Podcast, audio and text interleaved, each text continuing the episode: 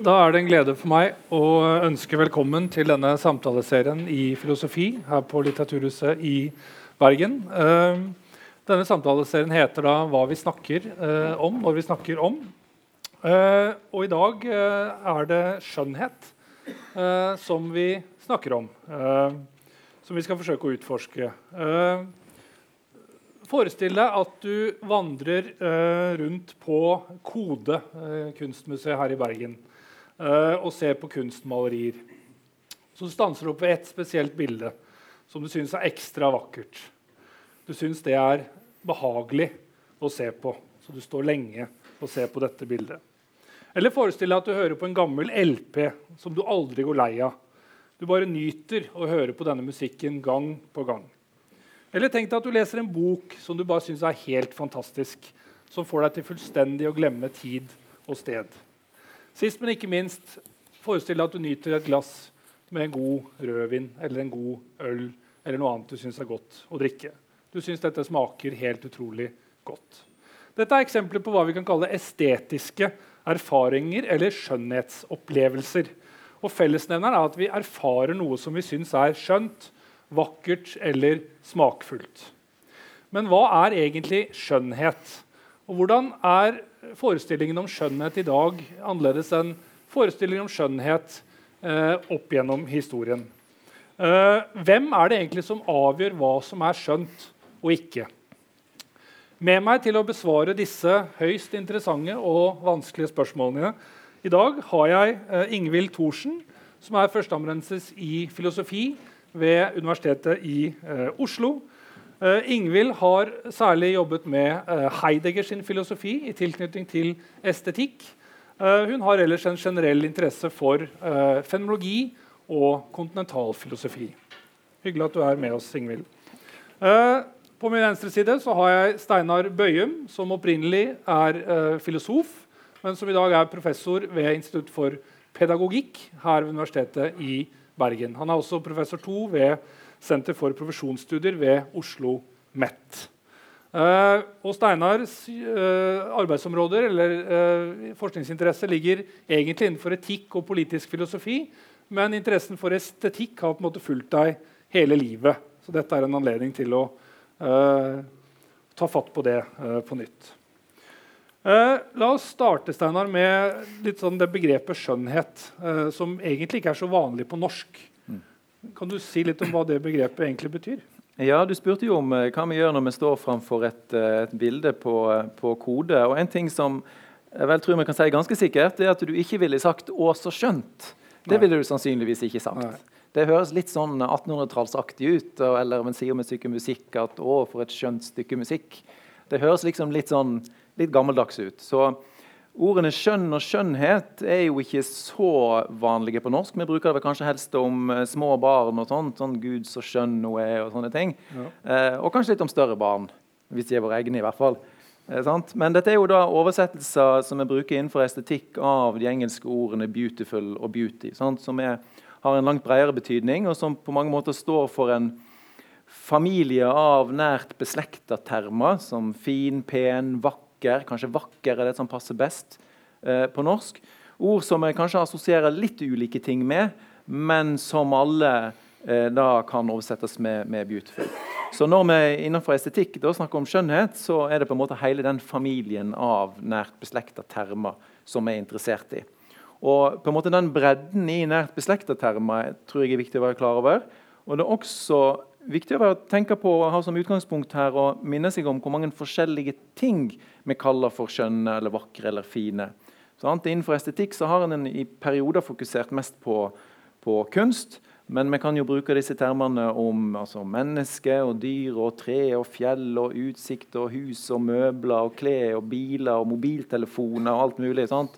Så, sånn, så fint du har dekt på, eller så fin du var på håret osv. Så, videre. så mm på en måte skjønnhet som kategori, altså det fine og pene og vakre og dets motsetninger, stygge osv., gjennomsyrer på en måte all vår erfaring av verden.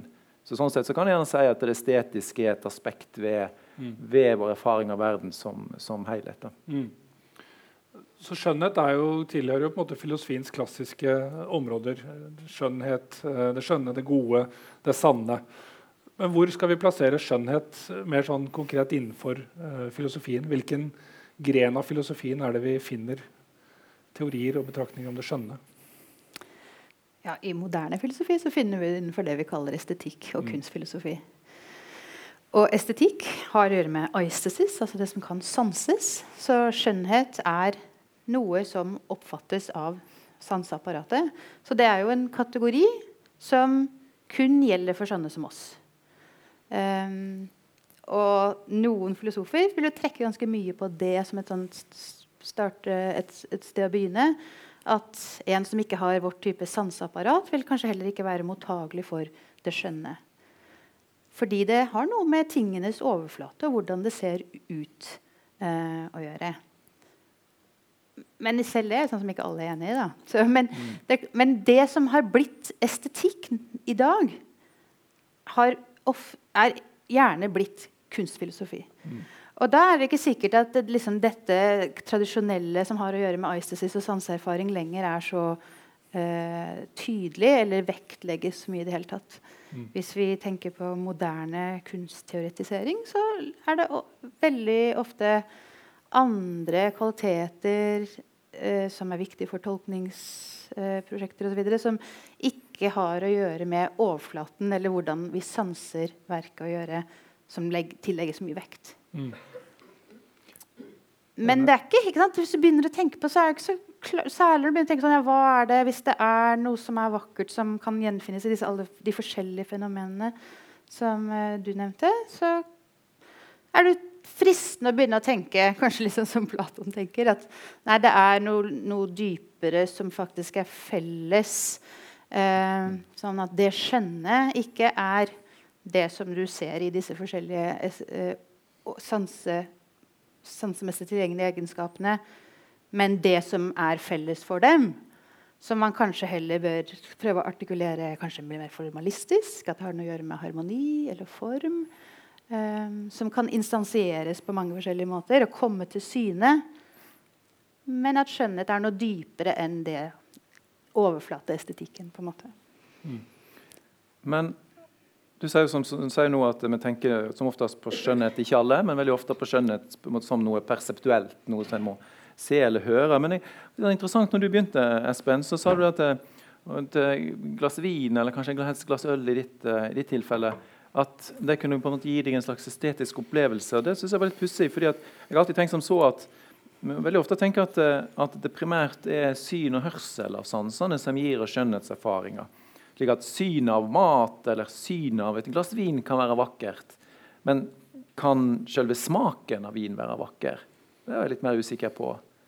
Eller parfymeflasker kan være vakker, en flakong kan være vakker, men kan selve lukten av parfymen være vakker? Mm. Så det er vel primært liksom, syn og hørsel, de to sansene der, mm. vi tenker på som plasser der skjønnhet kommer, kommer fram. Mm. At det må ha en viss form i en eller annen forstand som oppfattes som vakkert. Da.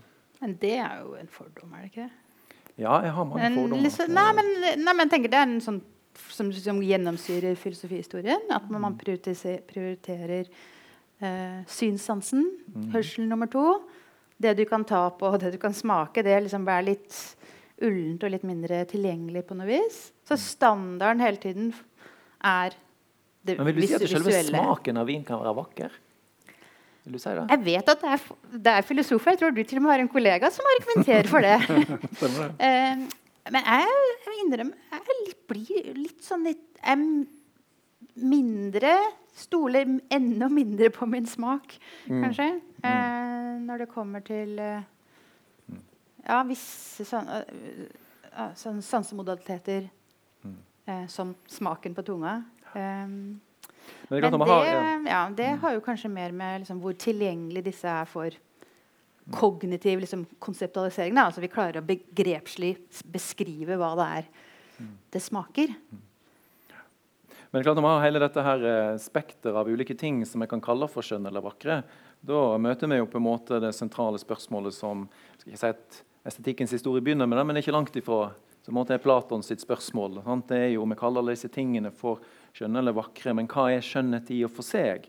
Sant? Hva er dette skjønne eller det vakre som vi kan tenke oss gjør alle skjønne ting skjønne eller alle vakre ting vakre. Sant? Det er lett å gi eksempel på, hva, på skjønne ting eller vakre ting, men å si hva skjønnhet eller vakkerhet i seg sjøl er for noe, er fryktelig vanskelig. Har de noe felles, alle disse tingene, eller er det mer eller mindre tilfeldig at vi bruker samme ord eh, på alle disse tingene? Liksom jeg så en, en nyere filosof eh, skrev sant? Hva, hva, skrev, hva i alle dager har ansiktet til Ingrid Bergman til felles med The Grand Canyon i USA? Mm. De er begge vakre, mm. men de synes ikke å ha noen objektive egenskaper felles. Og, eh, så det har jo på en måte vært et grunnspørsmål i estetikken. Og hva er dette her for noe? Ja, og Hvor er det de første svarene på disse spørsmålene de finner vi antageligvis ganske langt tilbake i tid? Ja, og Det er jo uh, fantastisk å se hvor mange av de samme spørsmålene som i dag stiller om skjønnhet og kunst, på en måte allerede blir formulert i, eh, i særlig det gamle Hellas. Um, men det er klart den mest sånn dominerende teorien som vokser ut av antikken, og som egentlig var en ganske dominerende teori i et par tusen år framover, var jo på en måte den oppfatningen at skjønnhet er en relativt en objektiv egenskap som har med harmoni, symmetri og, pro og proporsjoner å gjøre. Mm. Det, det, var jo en tradisjon som varte i, i 2000 år. og for vanlig å tenke seg, Noe som kanskje er litt vanskeligere for oss å forstå i dag, men vanskelig, vanlig å tenke seg at, eh, at uh, geometriske figurer for eksempel, var noe av det vakreste som, som fantes. Augustin for eksempel, snakker om at et kvadrat er vakrere enn et rektangel, og sirkelen er jo det vakreste av alt. sant? Mm. Og, uh, men de tenkte også helt konkret. så for Aristoteles sier vel en plass noe sånt som at Sånn, veldig små dyr kan ikke være vakre, og veldig store dyr kan ikke være vakre. De må liksom være akkurat sånn midt imellom. De må være passe store. Og, og Senere i renessansen kjenner en jo disse forsøkene på, på liksom å fange inn de matematiske proporsjonene som definerer skjønnhet, særlig menneskekroppen. Sant? Vi kjenner til Leonardo da Vincis bilde, som på en måte at den perfekte kroppen lar seg innskrive i en sirkel. altså Når en har armene ut, så er avstanden mellom fingertuppene den samme som, som høgden. Mm. Albrecht Dürer som mente at høgden på ørene og nesen på en måte skulle være identiske. Lårbeinet skulle være en fjerdedel av den totale høgden. Sånn, veldig opptatt av proporsjoner når det gjaldt, når det gjaldt skjønnhet. Mm. Og, og, sånn drev de på. Så skulle på sjekkemarkedet så måtte de med en linjal for liksom å sørge for at det ble riktig. dette. Og Den teorien har faktisk gjort et sånn lite comeback i nye revolusjonsbiologisk forskning. Der en, eh, der en, eh, altså en forsker på, på, ulike oppfatninger av utseende og menneskelig skjønnhet. Men dette var en ganske sånn dominerende skjønnhetsteori i, i 2000 år. Mm. egentlig. Mm. Mm. Og hva skjer når vi kommer fram til i dag da?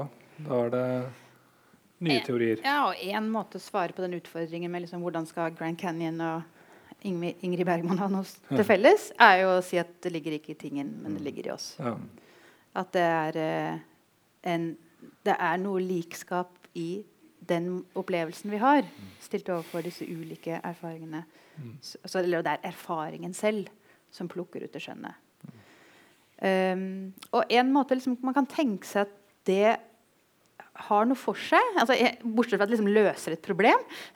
Filosofer liker jo at vi klarer å rydde opp og sånn, men uh, um, utover det så, tenk, så, snakker filosofer av og til om det vi kaller um, estetisk vitnesbyrd. Um, at sånn som, sant, Hvis du fortalte meg at uh, det bor uh, Jeg aner ikke, det sier noe om meg. 300 000 mennesker i Bergen, kanskje? Så kunne jeg si at du er en ganske pålitelig fyr, og du har bodd her noen år. Kanskje enda bedre hvis du sa det, for du er jo ordentlig bergenser. Så, så var det greit å si at jeg vet at det bor 300 000 ja. mennesker i Bergen. Burde sjekka litt mer og sånn. Men å si at eh, det derre maleriet du har sett nede på Kode, mm. at det er vakkert For jeg har ikke vært og sett det maleriet på Kode, men Espen har sagt det. Mm. Altså Å stole på estetisk vitnesbyrd, det virker galt. Det er noe med å si at Hvis det er vakkert Hvis jeg, hvis jeg sier 'det er vakkert', dere må gå og se, så må jeg ha opplevd noen ting. At, det, for det er ikke bare noe i Det er ikke en sånn kvalitet som du kan bare fortelle meg, liksom sånn som du har målt eller telt bergensere, så kan du eh, bare gi videre kunnskapen eh, om dette bildet, som gjør Som gir noe sånn I hvert fall ikke gir noe legitimitet til min påstand om at det mm. maleriet er vakkert. Hvis jeg sier Ingvild, bli med meg på Kode og se på dette maleriet, så står vi ved siden av hverandre og ser på det. Og så sier du at det Det feil. Ja, du tok feil, Espen. Det er jo ikke vakkert. Nå er jeg skuffa. Mm. Hva, hva er det uttrykk for, da? At du sier det? Hei, mange tenker jo at det er nettopp det at folk er jo uenige om sånne ting, tyder på at uh, her snakker vi ikke om noe objektivt i det hele tatt. Så vi snakker er... ikke om er- maleriet, egentlig. Vi snakker om vår erfaring i møte med maleriet. Og den er høyst subjektiv, og vi har kanskje ikke helt god tilgang til hva det er som gjør at vi liker forskjellige ting. Ja. Sånn, Sånn sier Det er ikke noe vits å diskutere om sjokoladeis eller jordbæris er best. Ja. Um, men jeg tenker jo at det ikke er det vi skal gjøre da, når vi står der og er uenige om det maleriet. Nei. Men la oss si det kommer en kunsthistoriker, da, en tredje person, gående. I, steller seg i midten. Og denne kunsthistorikeren har jo da studert kunsthistorie, har kompetanse på kunst, vet masse om dette maleriet som ikke vi vet. Eh, og han, eller hennes eh, dom eh, går i favør av en av oss. Hva, hva er det er? Skal vi feste mer lit til denne personens dom enn våre egne dommer? Jeg vet ikke, Blir du overtalt?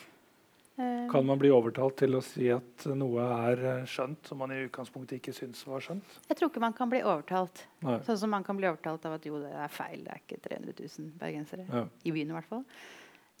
Men jeg tror man kan få grunner til å se på verket på flere måter. Kanskje dypere måter, altså mer mangfoldige måter. Sånn at det kan vise seg som mer verdifullt eller Mm. interessant på Mm. noe vis.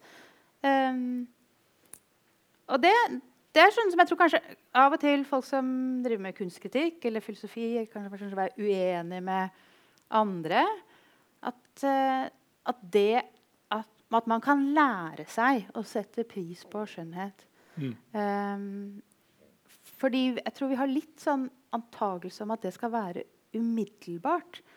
Er det vakkert? Liksom, er Mozart selv, selv babyer oppdager jo med en gang at Mozart er vakkert. Sånn skal skjønnhet være. Sånn at hvis det krever noe sånn kognitiv eh, oppøving, eller perseptuell oppøving lære, liksom, at, man kan, at man kan lære seg å se, Mm. eller at man kan se mer i et bilde ved å få en kunsthistorisk veiviser inn i det. Mm. Det er kanskje en, en del av oss som vil stritte imot den tanken. Men jeg kommer til å tenke at det, er, at det stemmer. Mm. Eh, fordi kanskje når vi, Nettopp når vi får en sånn estetisk interesse kanskje i et felt Det trenger ikke å være i billedkunst, det kan jo også være i vin. Jeg tror det er sånn med vin. Mm. Det? At man lærer seg å nyansere, og så opplever man mer. Mm. faktisk. Jeg Mm. tror at noen, no, en vinkonnoissør smaker mer og opplever mer enn kanskje meg. Mm. Eh, og noe av det har å gjøre med å ha et mer sånn finkorna begrepsapparat. Mm. Som, så? Men det har litt å gjøre med liksom, tenker vi at sansningen er helt sånn passiv. Det bare kommer inn, og så treffer det øret, og så er det harmoni eller ikke. Mm. Uh, men kanskje er det ikke sånn. Kanskje er det litt at man heller må trene sin sanseerfaring. Men særlig med billedkunst så er det jo også sånn at det er jo ikke bare vakkert. Fordi bilder er jo av noe. Eller Ja. så er de ikke av noe, og det er de veldig eksplisitt ikke av noe. For sånn er kunsthistorien at det plutselig ikke maler noe. Det betyr noe også. Så der kommer det så mange andre dimensjoner inn også. Mm. Det vi diskuterer nå, Steinar, det er om smak kan diskuteres. Kan ja, det? og dette er jo det klassiske spørsmålet om eh, dommer eller påstander om skjønnhet er subjektive eller objektive. Ja. Og, eh, og etter mitt skjønn så er jo noe av det interessante ved, ved måten vi snakker om skjønnhet og kunst på, eller noe av det interessante ved estetiske dommer, som jeg sier, er nettopp at det feller litt mellom disse to og sprenger litt våre vante kategorier om subjektivt og objektivt. Sant? Eh, Jeg tror I noen henseende så er det subjektivt, og noen henseende så, så er det objektivt. Og, og for Et tegn på som gjerne kan si det subjektive er jo det at en, som, som du var inne på, at en ikke kan bevise eller komme med avgjørende argument i den type, type diskusjoner. Sant? Hjelper ikke hvor gode argument jeg har, hvis ikke du er i stand til å se det sjøl. Som jeg kan gi grunner som kan få den andre til å se kunstverket eller det vi ser på på en bestemt måte, og så kanskje erfare det sjøl. Men det fins ikke som du sier, på en måte andrehåndsdommer om skjønnhet. Sant? Det er noe rart med å si OK, da, det er vel vakkert, siden du sier det. Det, det, det er noe pussig med å si det. på en måte. Så, så, um, og naturligvis òg det at, at, at skjønnhet på mange måter har en slags Skjønnhet og, og enda mer kunst generelt har jo en slags personlig betydning for oss. Det henger sammen med vår personlighet, vår bakgrunn, vår liv, våre erfaringer osv. Så, videre. så i den, den forstand så kan jeg gjerne si det, det er noe subjektivt. men så er det jo andre ting som tyder, går mer i retning av at vi snakker om det litt på samme måte som vi snakker om objektive ting. da.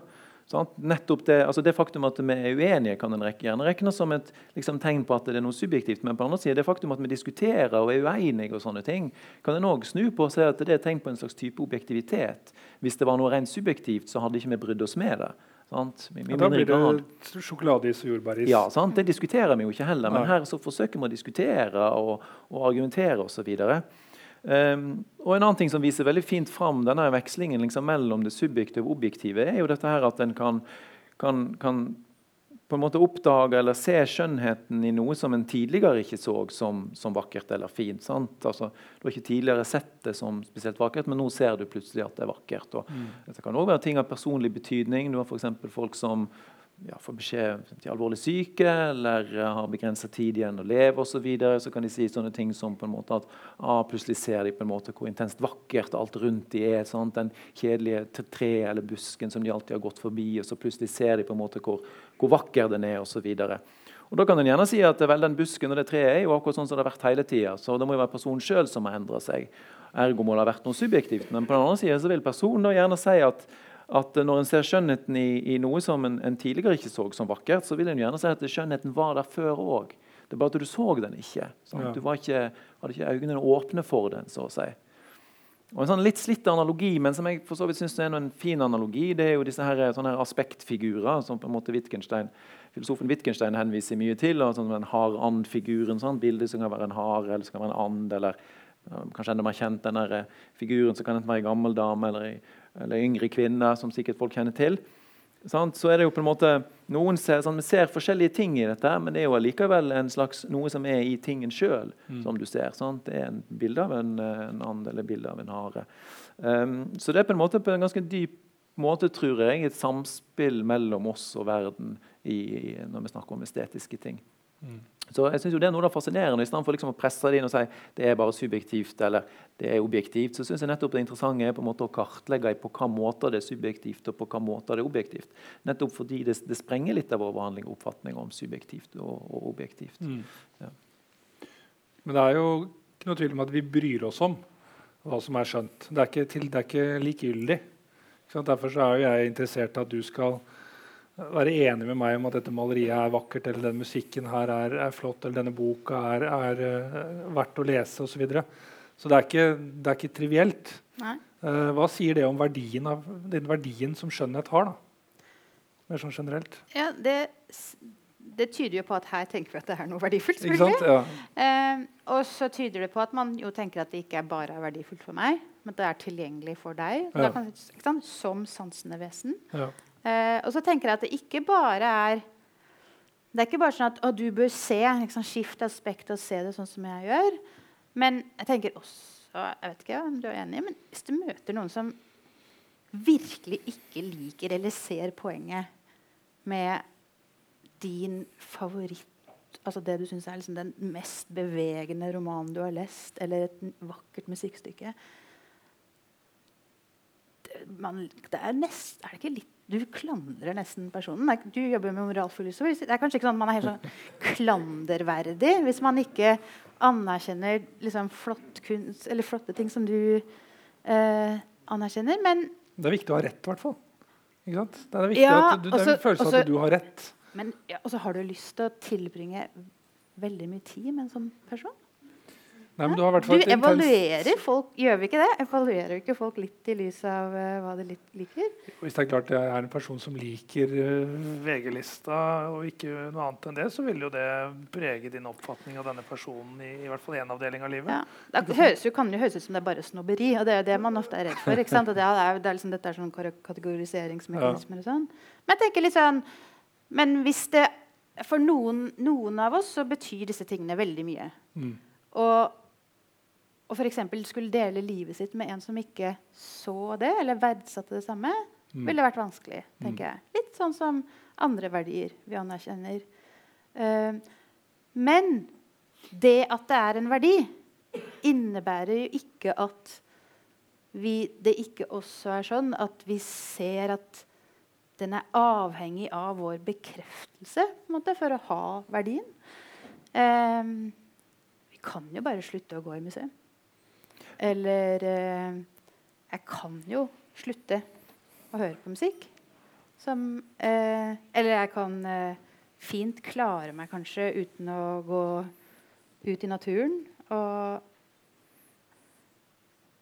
så, så det, er ikke, det, er ikke, det, er jo ikke, et sånt sterkt bør som man liksom får dårlig samvittighet av hvis man setter til side. Men, men, jeg tenker at det kanskje også sier noe om hva verdi er. Da. At det er en slags sånn det synes jeg er interessant det, at vi liksom, liksom fritt kan velge å la sånne ting være veldig viktige.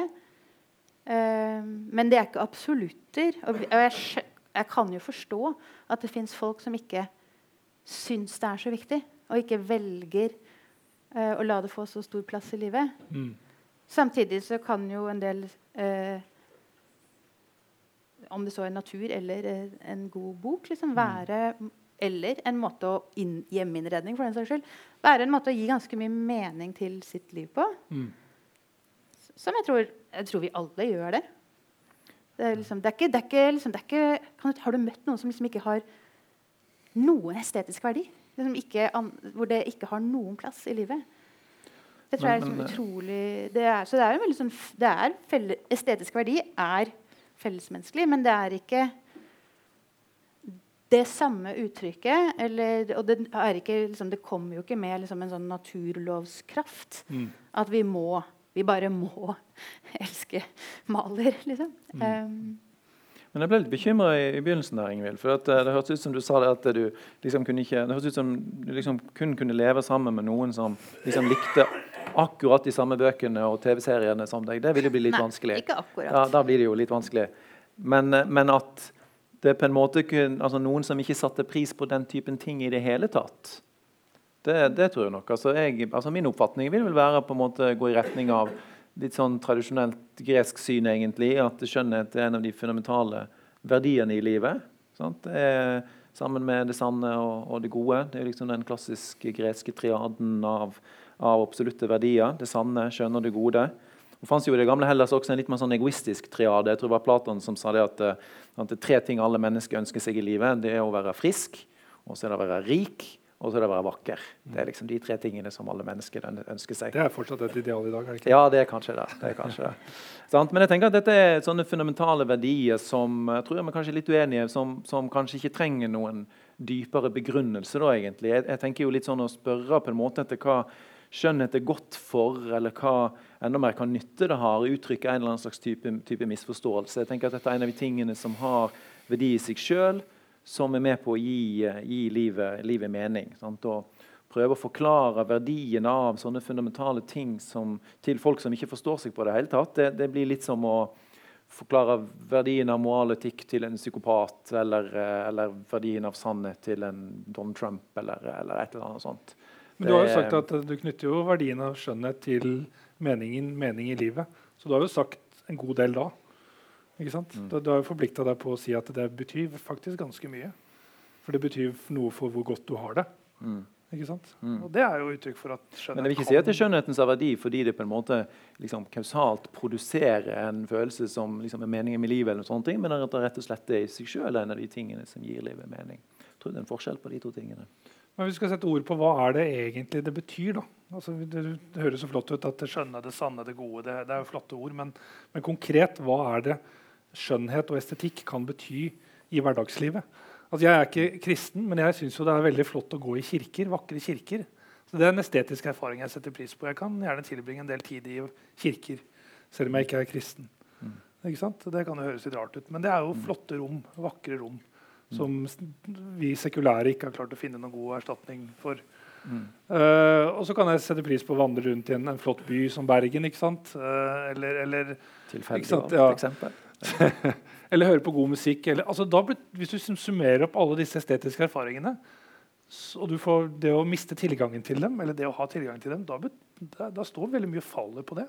Ja, det, det, har en verdi, men, men, det jeg mener med å si at det har en egenverdi, er jo på en måte at en ikke trenger å redusere skjønnhet eller andre estetiske verdier til enten det sanne eller til det gode. F.eks. å vise at det har en eller annen kunnskapsmessig eller en eller annen moralsk god effekt. eller et eller annet sånt. Mm. Det, det tror, ikke jeg, tror jeg ikke en trenger. Altså, før eller senere så må en liksom henvise til ting som har verdi i seg sjøl. Og da tenker jeg at uh, hvorfor kan ikke skjønnhet være en av de, de tingene? på en måte. Mm. Slik at jeg tror ikke skjønnhet trenger noen dypere begrunnelse. For eksempel, vise at det oppfyller en, har en slags moralsk funksjon eller en eller annen kunnskapsmessig funksjon for at en skal kunne si at det har en, Mm. har en, har en verdi. Mm. Det er mye av det som tenker gjør Hvis hvis det er noe, noe du liksom virkelig har lidenskapelig forhold til, om det er en, kunstform eller eh, reise og se flotte naturfenomener, eller, så er det jo nettopp Det er jo nettopp det at vi opplever det som egenverdi, som er eh, noe av grunnen til at du er interessert i det. Mm. At det ikke kunne erstattes med noe annet. Mm. Det må være malt akkurat sånn. Det, ligger, det er noe helt partikulært. Det er ikke liksom bare et bilde. Man sier jo, du har jo liksom ikke estet, du setter ikke pris på kunst av liksom estetiske grunner hvis du liker malerier som sådan. Det må jo være det partikulære. Og det må, det lig, verdien ligger der. Og så kan du ikke peke på liksom hva det er som gjør det verdifullt. Men du kan jo prøve å analysere og gi grunner til en annen, tenker jeg, for å prøve å se det som meg. Men, men det er noe du kan gjøre liksom etterpå. Etter at du allerede har hatt denne opplevelsen av en sånn egenverdi. Så jeg er litt enig med deg eh, der, men Mm. jeg vet ikke om vi egentlig er om det, om den store uenigheten. Men Ja, men du hadde jo en fin Men- analogi ja. her til kjærlighet i, Ja. i så henseende. Den syns jeg du må ta. Ja, jeg er ikke sikker på hva jeg egentlig syns om Ja, den, men men det går sånn her. Ikke sant? Ikke sant? Hvis du ja, hvis, hvis, altså, hvis du tenker deg romantisk kjærlighet, så er det jo ikke sånn at man liksom først liksom ramser opp Man går gjennom grunner og gode egenskaper ved en person, og så kommer man fram til slutningen at denne personen er jo ikke, verdt å elske, og dermed så faller det hodestups uh, i- eh, for vedkommende. Men det er jo heller sånn i lys av at, at man allerede elsker noen, så prøver man jo å artikulere grunner. Du prøver å finne noen positive kanskje- ting ja, ved den personen. Og kanskje kan. til og med. Men du venter jo, du vet jo at ikke alle kommer til å se på han eller hun sånn som du gjør. Men du prøver jo likevel å forklare for andre liksom hvorfor dette er som et enestående menneske du har møtt. Er ikke det spørsmål Men- hva ser du i han? Er ikke det et sånt spørsmål? Ja. Jo, men det er jo sånn ikke sånn at hvis du forklarer hva du ser i, i han, så faller alle andre også for han. Nei, nei, ikke sant? nei. Så det er noe så det er, Så summen av de tingene du Ja, ser i den personen, ja. er ikke kjærlighet. Nei. Ikke sant? For det er noe mer. ja. Ja. Så det kan, man kan tenke seg at eh, liksom, opplevelse av skjønnhet er noe lignende. At det liksom er noe At alt strømmer fra den opplevelsen og erfaringen. Eh, kan deles på noe Altså man kan gi Man kan, man kan jo snakke om det.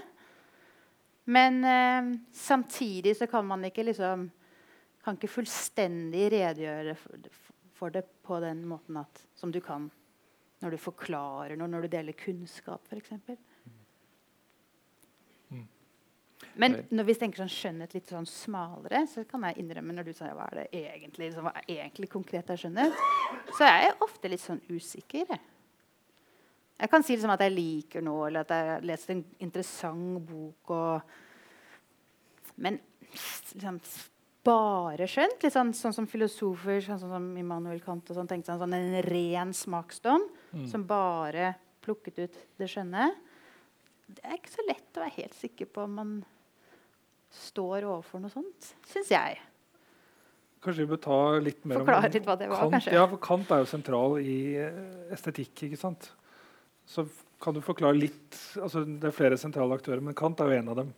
Kan du forklare kort hva som er Kants Sitter jeg på ledningen? Uh, Ja, Skal jeg prøve å forklare Kant? bidrag Ja, ikke sant? På, på veldig kort tid. Det er ikke så lett. Men, men Kant har jo et bestemt syn på uh, hva som eh, ikke nødvendigvis gjør noe vakkert, men på hvilken grunnlag vi kan felle dommer om noe som, som vakkert. Ja, og han tenker seg jo Han har en sånn prøver å nettopp ikke falle i en sånn objektiv eller subjektiv felles, mener han det er. da, ikke sant? På en, falle ned på den ene eller andre sida. Ved, å si at han Ja, det er ikke altså, det at noe er Han kaller enhver erfaring en dom, da. Men jeg tror ikke det er sånn at han mener at man skal gå inn og si det er vakkert. Men en, det vi kanskje bare vil kalle en erfaring av, av skjønnhet, um, svarer til noe ute i verden. Men det den plukker ut, er vår respons på det objektet. Så det er en type Det han kaller en sånn, eh, sånn lekende Et sånn spill eh, med våre eh, refleksjonsevner i lys av et objekt. Så, liksom, så det er noe ute i verden som gjør noe med oss.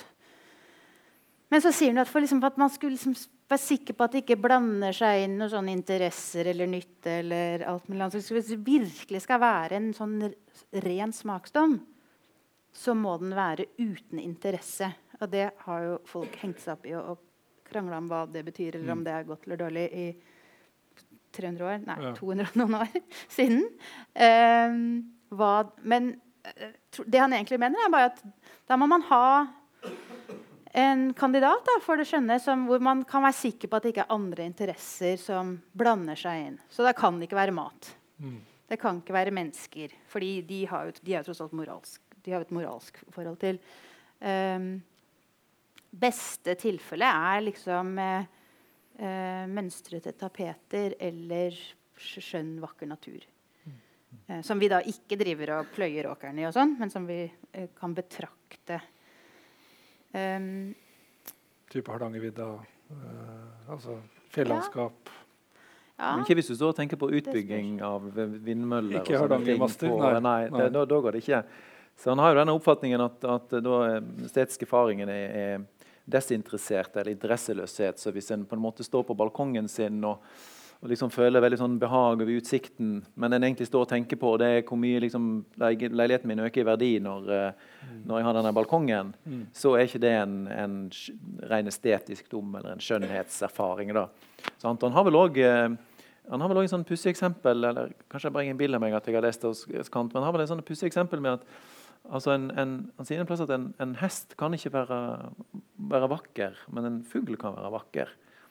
Og eh, Jeg husker jeg på det, men resonnementet er på en måte at på, på hans tid en hest er på en måte så innvevd i en brukssammenheng som en nytteverdi at vi klarer ikke på en måte å se på en, en hest og bedømme den som vakker eller ikke, bare rent ut ifra utseendet. For vi vil alltid blande inn om det er en god arbeidshest og den type ting. og mm. Den kan oppfylle våre formål osv.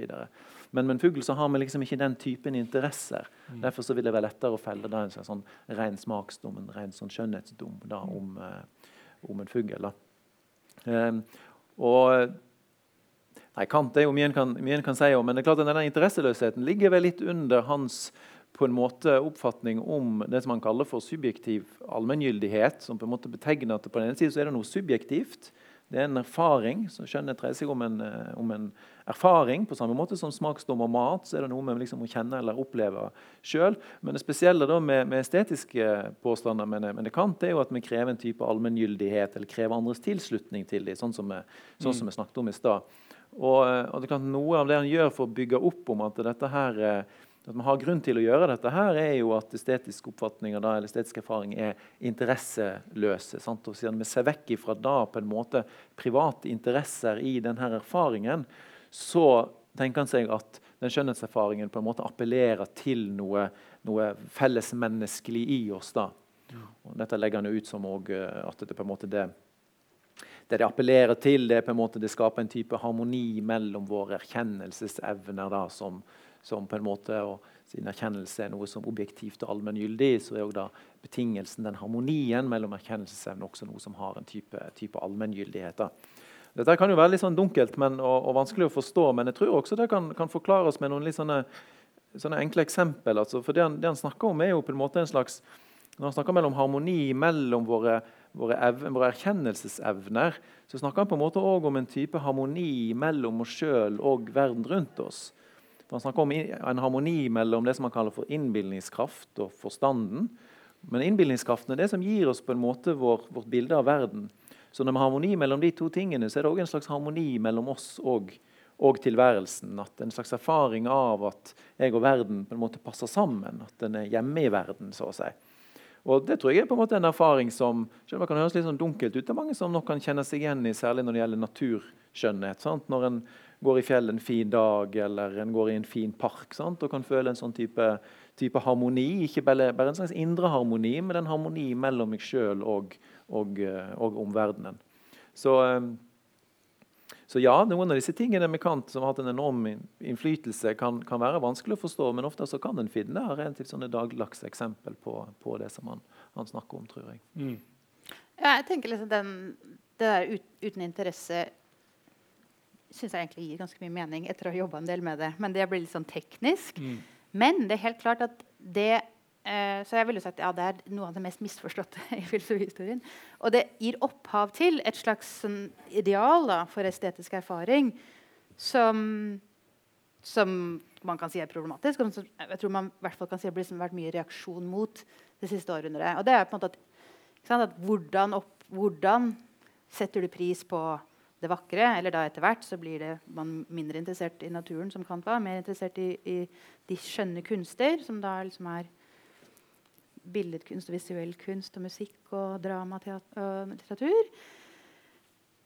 Og da er liksom idealet at man skal være i en posisjon hvor man eh, ikke egentlig er engasjert, hvor man ikke har noe, tar med seg noe av sitt, det private eller kanskje det politiske eller disse andre tingene som er viktige. Eh, og man skal bare liksom kontemplere i en litt sånn ja, avkobla og eh, ikke følelseskall, da, men det er bare, bare noen, noe av følelsesregisteret som hører hjemme i kunstopplevelsen. Så det blir liksom en, ja, eh, en måte Det gjør noe med hvordan kunsten blir sett på som viktig. Og så gjør det noe med et ideal som kanskje passer noen privilegerte få, som, som, kan, som kan, eh, hvor det hører hjemme, på en måte, eller hvor det er plass til å eh, mm. se på verden på den måten. Så det er masse kritikk av det her. Eh, for det er krevende? Det er krevende, og så gjør det også at kunsten blir frakobla alt det andre. Altså det er Noe av kritikken liksom, av arven fra Kant er at det estetiske blir sitt eget felt med sin egen gyldighet. Eh, men det har ikke noe, gjøre, noe, lenger noe å gjøre med moral eller kunnskap om verden som sådan. Mm. Eh, så det får verdi Estetikken, estetikken sier man ofte blir liksom autonom, det blir sitt eget frie felt. Det vakre. Men samtidig så den, den, å få den derre friheten, den egenverdien, eh, gjør at det liksom mister litt verdi i forhold til resten av samfunnet og de tingene vi er opptatt av. Mm. Så mye kunstfilosofi i 20. århundre jobber liksom mot det her. Og dermed også mot hele det begrepet om skjønnhet. Mm. For å ta kunsten eh, og liksom verdien av det estetiske tilbake i hverdagsliv eller moralsk liv eller politisk liv.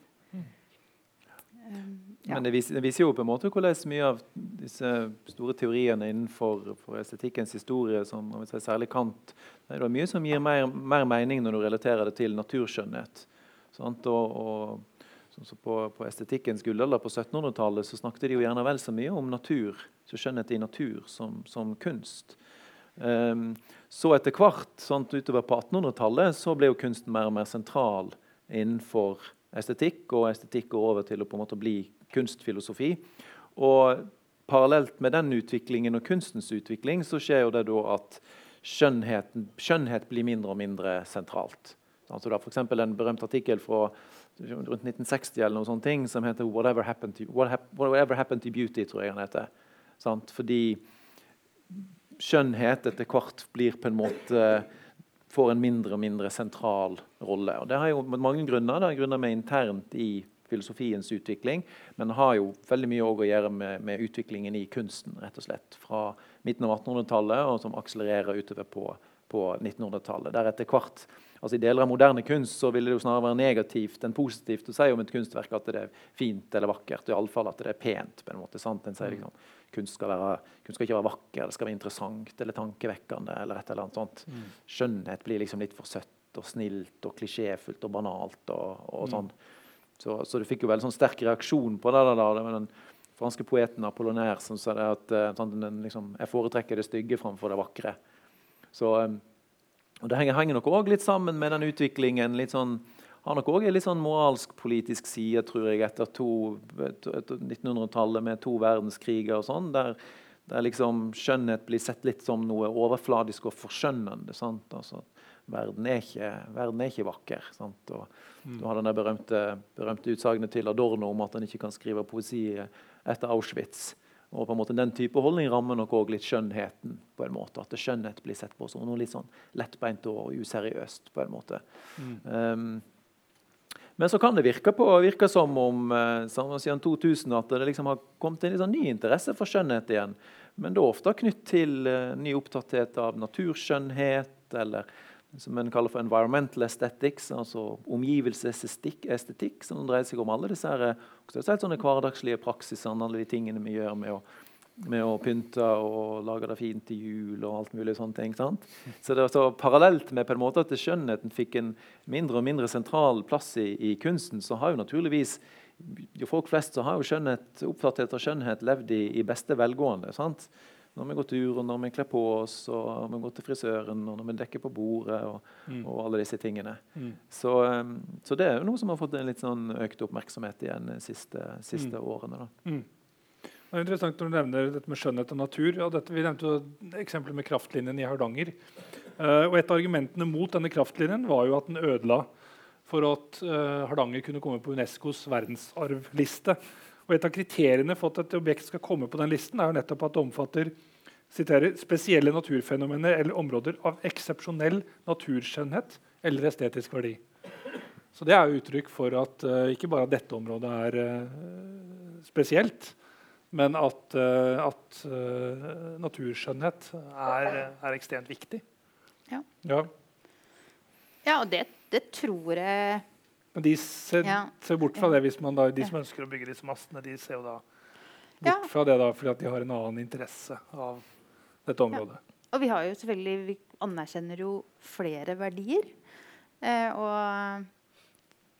ja, det vi ofte krangler om, er jo hvem, hvilke som skal veie tyngst i ulike situasjoner. Um, men, eh, men særlig estetiske verdier er det jo veldig mange som vil argumentere for at man kan settes til side når det er noe virkelig virkelig viktig. Mm. Så, så, så, det var liksom Hvor viktig er egentlig det? Ja. det, det, er noe litt Det har litt å gjøre med liksom det, der, kanskje det interesseløse. Det er noe litt sånn luksuriøst med å bry nok, liksom. seg om ja. det estetiske, og særlig ja. da det skjønne. Eh, det tror jeg liksom henger igjen eller kanskje, jeg vet ikke hvor det henger igjen fra, for det ville ikke Platon vært enig i. Men, eh, men, det er ganske sterkt også liksom i vår sånn protestantiske kultur. så er det fremdeles sånn, selv om, selv om vi helt klart orienterer oss estetisk og praksisene våre desember, hele desember mm. er liksom, Det er jo så estetisk ordning av våre liv i den måneden her. Mm. Vitner jo om, at vi syns det er viktig, men vi syns jo det er Det er jo vanskelig å forklare hvorfor. Mm. Eh, og dermed så synes, blir det ofte satt til side. Så det er noe litt sånn mm. ja, frivolt å ta. Være veldig opptatt av skjønnhet. Det tror jeg ligger litt i vår kultur. Og det er veldig tydelig i det 20. århundret man av mange forskjellige grunner. Og noe av det tror jeg så er det nettopp det at man tenker seg liksom at Eller for noen filosofer i hvert fall. Man tenker seg liksom at det er forskjell mellom skjønn, skjønnhet, eller forskjønning, og det virkelige. Mm. Så enten fordi hvordan noe egentlig er, det ser du ikke på overflaten. Eller det å gjøre overflaten og fremstille noe som skjønt antas å være en fordreining på noe vis. Mm. Um, ja, Det tror jeg ikke jeg har en veldig klar konklusjon å trekke i lys av det. Men det er interessant at det, vi har liksom kanskje blitt eh, det er, eh, Vi er litt mer åpne for det også i kunstfeltet.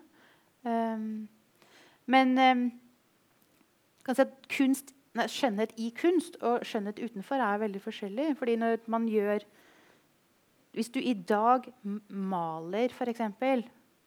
Noen sier at hele, sant, bare det å, å, drive med maleri er jo allerede litt sånn stort spørsmål hva den kunstformen gjør i det 21. århundret. Sånn, er det noen som mener. Men, men hvis du i dag å male noe vakkert er jo et helt annen type valg enn det var eh, tidlig 1800-tallet. Mm.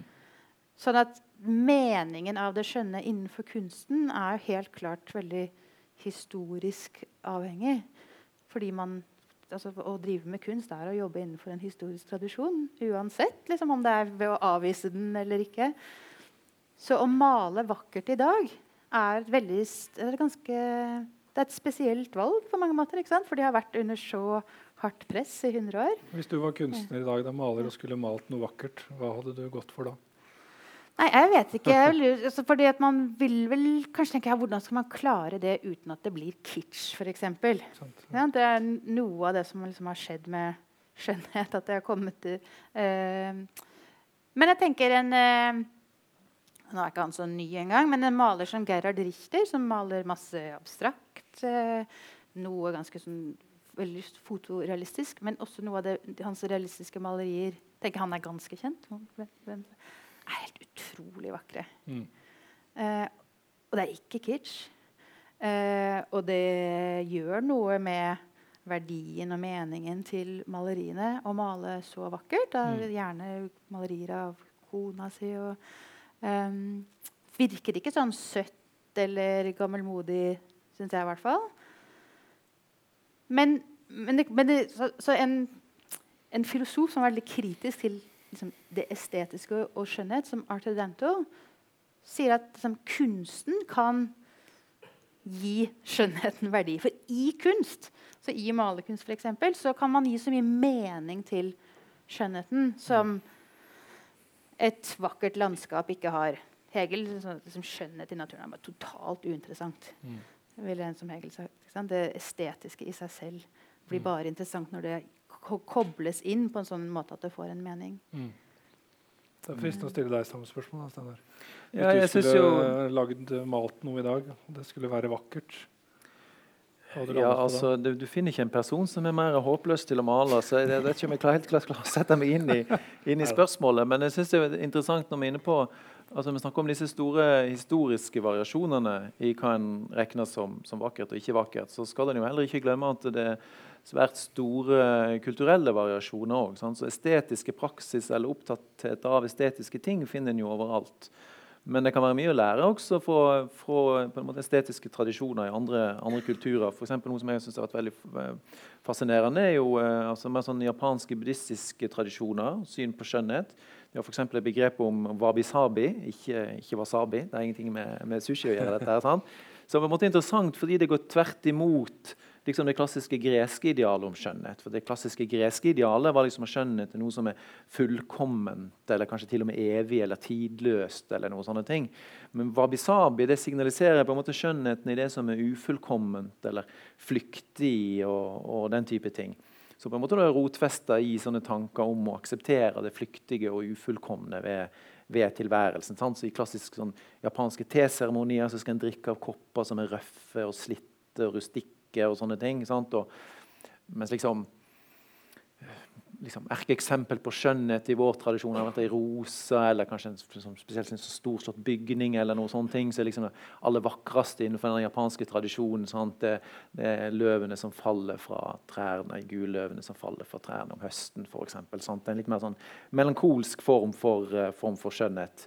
Um, et annet eksempel som jeg synes var fas veldig fascinerende, var jo en av disse som skriver den tradisjonen, Kenko, som sier at ja, noe av det vakreste hun vet om, det er på en måte når du har en bokserie f.eks. i seks bind, og så mangler det et bind. Så du har bind 1, 2, 3, 4 og 6. Som liksom går så tvert imot alle våre oppfatninger. Sant? Men jeg synes det er noe veldig vakkert. Liksom det, det liksom sier noen ting om liksom livet og dets ufullkommenhet og alt mulig sånt. Sant? Så, så det er mye interessant å lære av på en måte da, en veldig annerledes måte å tenke om, om skjønnhet og, og estetiske ting på. Da. Mm. Så ja, jeg ville kanskje tegne da en bokserie som mangler et bind. da. Ja, Ja. Kunne vært noe. ja, godt forslag. Det tror jeg jeg skulle klart å, å malt. Ja. Det går jo an å tøye det der begrepet. Og jeg tror Av og til så tøyes det jo vel langt. Skjønnhetsbegrepet? Ja, at ja da, det gjør det jo. folk som sier at mye rart er vakkert Mm. Ehm, det, så, så, Hvis du googler skjønnhet i dag, det gjorde jeg i dag, ja. Så trykker du på bilder. Da kommer det stort sett bilder av, eh, av kvinners ansikt.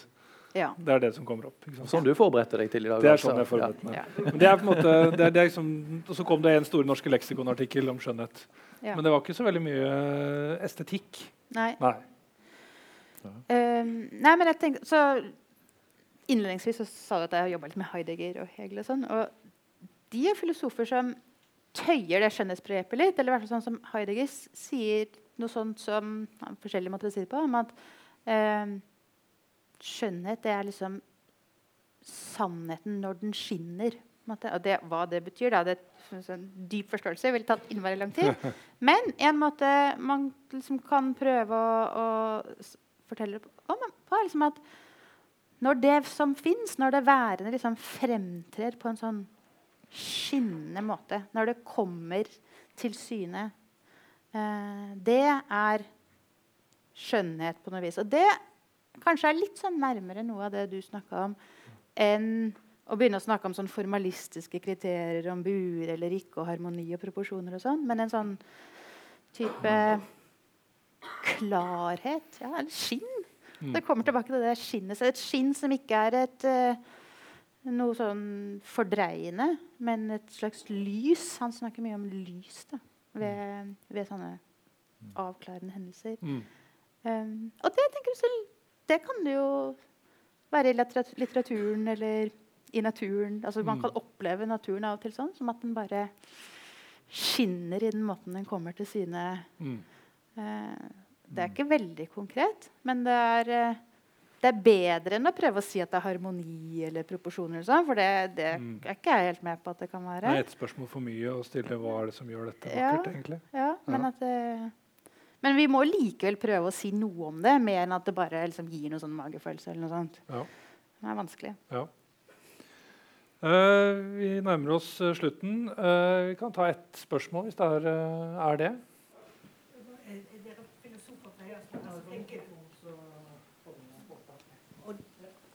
Definere begrepene. Men eh, mener dere eh, all estetikk er vakkert? Skjønnhet? Nei. Det er ikke det som blir sagt. Det estetiske og det vakre har gått veldig i ett her. Ja, det er en litt sånn det er litt sånn slurv, Ja, det, det, som kanskje skjer i sånne sammenhenger. Ja. Nei da, det kom Ja. litt mer frem på slutten her, men, Mm. men det, det går, har gått veldig over i hverandre. Men Så det er jo nettopp det. Men, men det er ikke bare, vår, det er ikke bare slurv. da. Det skyldes også litt sånn endring av vokabularet underveis. og sånn. Så noen vil holde veldig på at det estetiske bare har å gjøre med hvordan noe treffer deg sansemessig. Og at det er en hel rekke kategorier, og noen av de er ikke verdifulle. For det kan jo være stygt eller illeluktende. Og, at, at vi bare må ha liksom mang, mangfold av så, sånne kategorier. Mens det hos noen glir over til at det man er interessert i når man snakker om det estetiske, egentlig er det skjønne. Så det er liksom dette liksom, Om det så er det liksom idealet vi sikter mot her, som den, det beste i, i denne estetiske feltet, liksom. Ehm, men vi prøvde jo å holde oss til skjønnhet, da. Ja. Eh, så det var vel derfor kanskje vi liksom slo det sammen litt. Sånn. det er interessant og morsomt å følge med. Så takk skal dere ha. Mm. Flott. Da skal jeg reklamere for to arrangementer eh, over nyttår. 21.1 så er det en samtale om meningen med livet, intet mindre. Med Heine Holmen fra Tromsø og Einar Bøhn fra Oslo. Eh, 7. mars er det en samtale om moral med Henrik Syse og Torbjørn Tensjø. Og en gang ut i april så blir det en samtale om rasjonalitet med Ole Hjortland og Bjørn Ramberg. Så da er dere velkommen tilbake. Takk for oppmerksomheten og at dere kom.